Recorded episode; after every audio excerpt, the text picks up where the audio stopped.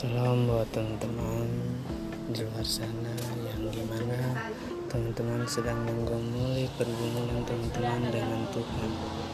Tetapi teman-teman masih menunggu jawaban dari Tuhan. Ingat ini simak baik-baik ini. Simpan ini dalam pikiran hati teman-teman. Jangan pernah ada kata menyerah jangan pernah ada kata pasrah jangan pernah ada kata putus asa. Tetapi bangkit maju bersama dengan Tuhan. Datang kepada Tuhan. Kerjakan apa yang teman-teman bisa kerjakan. Lakukan apa yang teman-teman bisa lakukan. Asal boleh sesuai dengan kehendak Tuhan. Boleh sesuai dengan kehendak Bapa